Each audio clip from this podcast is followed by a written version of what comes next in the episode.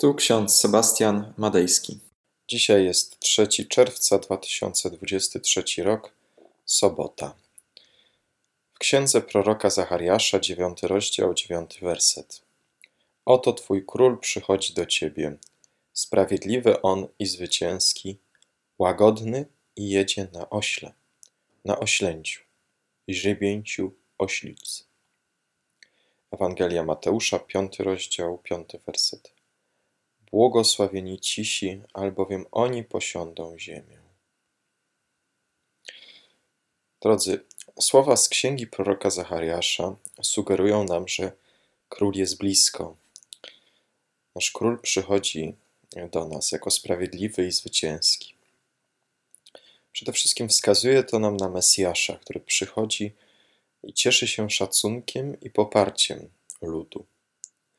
Sprawiedliwość i zwycięstwo mogą oznaczać, że król jest uczciwy i odnosi sukcesy w swoich działaniach.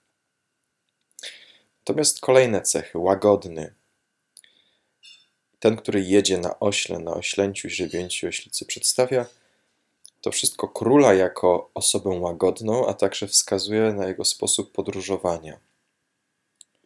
Oślę to zwierzę, zwierzę które często kojarzone jest z pokorą, prostotą. Może to sugerować, że nasz król jest skromny, blisko ludu, identyfikuje się z prostymi i codziennymi aspektami życia. Zresztą w Ewangelii Mateusza nasz król mówi: Błogosławieni cisi, albowiem oni posiądą ziemię. Ten, te młode źrebięcie oślicy odnosi się do młodego osiołka. Może to symbolizować czystość, świeżość, niewinność i przyszłość. Możemy to interpretować jako znak nadziei i obiecującego rozwoju, który król przyniesie ze sobą. Zatem ten fragment opisuje króla, Mesjasza, który jest sprawiedliwy i zwycięski, łagodny i blisko nas. Przedstawia Chrystusa jako przywódcę, który ma pokorę, i identyfikuje się z nami. Jednocześnie wskazuje na obietnicę nowego początku, nadziei. Wjazd Jezusa do Jerozolimy na osiołku jest zwany triumfalnym wjazdem Jezusa. Trzeba zadać sobie pytanie, czy jest to właściwa nazwa, skoro Jezus po kilku dniach od tego wydarzenia został ukrzyżowany. Ludzie odtrącają sprawiedliwego, łagodnego króla. Żądają absolutystycznego władcy, przemocowca, tego, który rozprawi się e, z, z tymi, którzy nam się nie podobają. Natomiast Chrystus przyjeżdża jako łagodny.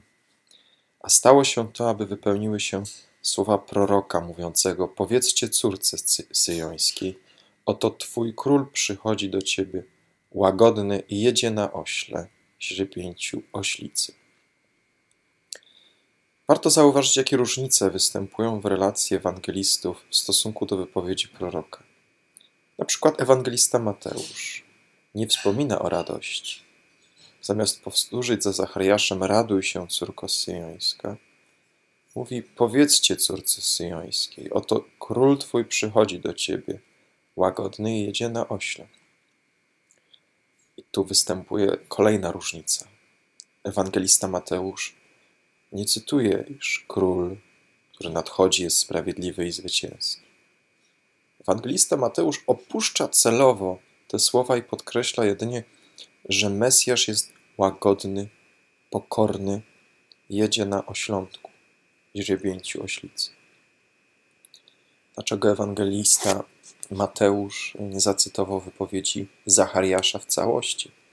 Dlaczego opuścił tak ważne słowa o sprawiedliwym i zwycięskim królu i o radości córki syjońskiej, czyli Jerozolimy? Dlatego, że wielka radość w Jerozolimie i zwycięstwo sprawiedliwego króla będą znakami drugiego przyjścia Chrystusa. Za pierwszym razem Jezus był pokorny. Był odkupicielem i jest nim nadal. Wjechał na niepozornym oślątku, zwierzęciu do Jerozolimy by oddać się w ręce oprawców i ponieść na krzyżu śmierć. Ewangelista Jan, cytując proroctwo Zachariasza w opisie wjazdu Jezusa do Jerozolimy, zamiast słów raduj się, córko syjońska, zamieścił słowa nie bój się, córko syjońska. To jest też bardzo istotną różnicą, interpretacją proroctwa wskazującą na grozę tamtych dni, które poprzedzały męczeńską śmierć Chrystusa. Za drugim razem Chrystus przyjdzie jako zwycięski Pan, Król, Władca. Jego pojawienie się w Jerozolimie wzbudzi wielką radość, bo będzie znakiem ostatecznego zwycięstwa nad wszelką niesprawiedliwością i wszelkim złem, znakiem wypełnienia się zbawczych planów Bożych. Warto sobie zadać dzisiaj pewne pytania. Czy tylko w Jerozolimie zdarzyło się tak, że wołano Hosanna i po kilku dniach ukrzyżyj go? Czy i my w naszym życiu jednego dnia nie chwalimy Boga, nie dziękujemy Mu, a potem, no właśnie, szemramy, narzekamy, jesteśmy źli. Czy podobnie jak ewangeliści otwieramy się na działanie Ducha Świętego, by dostrzec wypełnienie się Bożych planów? Czy zapowiadana radość w Jezusie Chrystusie stanie się także i naszym udziałem?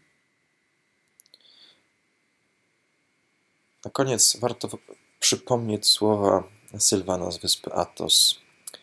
Pan jest miłosierny, wie o tym moja dusza, ale niemożliwe jest opisanie tego słowami. Jest nieskończenie łagodny i pokorny. Gdy zaś widzi go moja dusza, przemienia się, staje się miłością do Boga i bliźniego. Sama staje się łagodna i pokorna.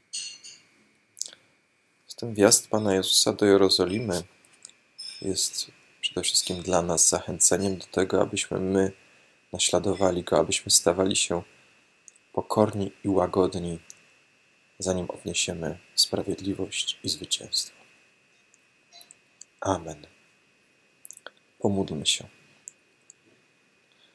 Wszechmogący Panie, Ty przychodzisz do nas jako sprawiedliwy i łagodny, jako zwycięski, a zarazem jako ten, który jedzie na niepozornym zwierzątku, jakim jest osiołek. Powiedziałeś do nas i do swoich uczniów błogosławieni cisi, albowiem oni posiądą ziemię.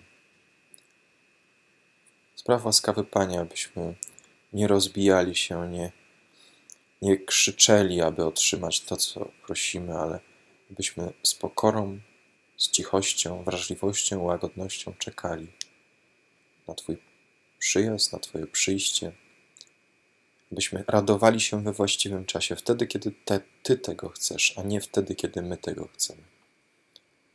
Prosimy Cię, wysłuchaj nas dla miłosierdzia Twego. Amen.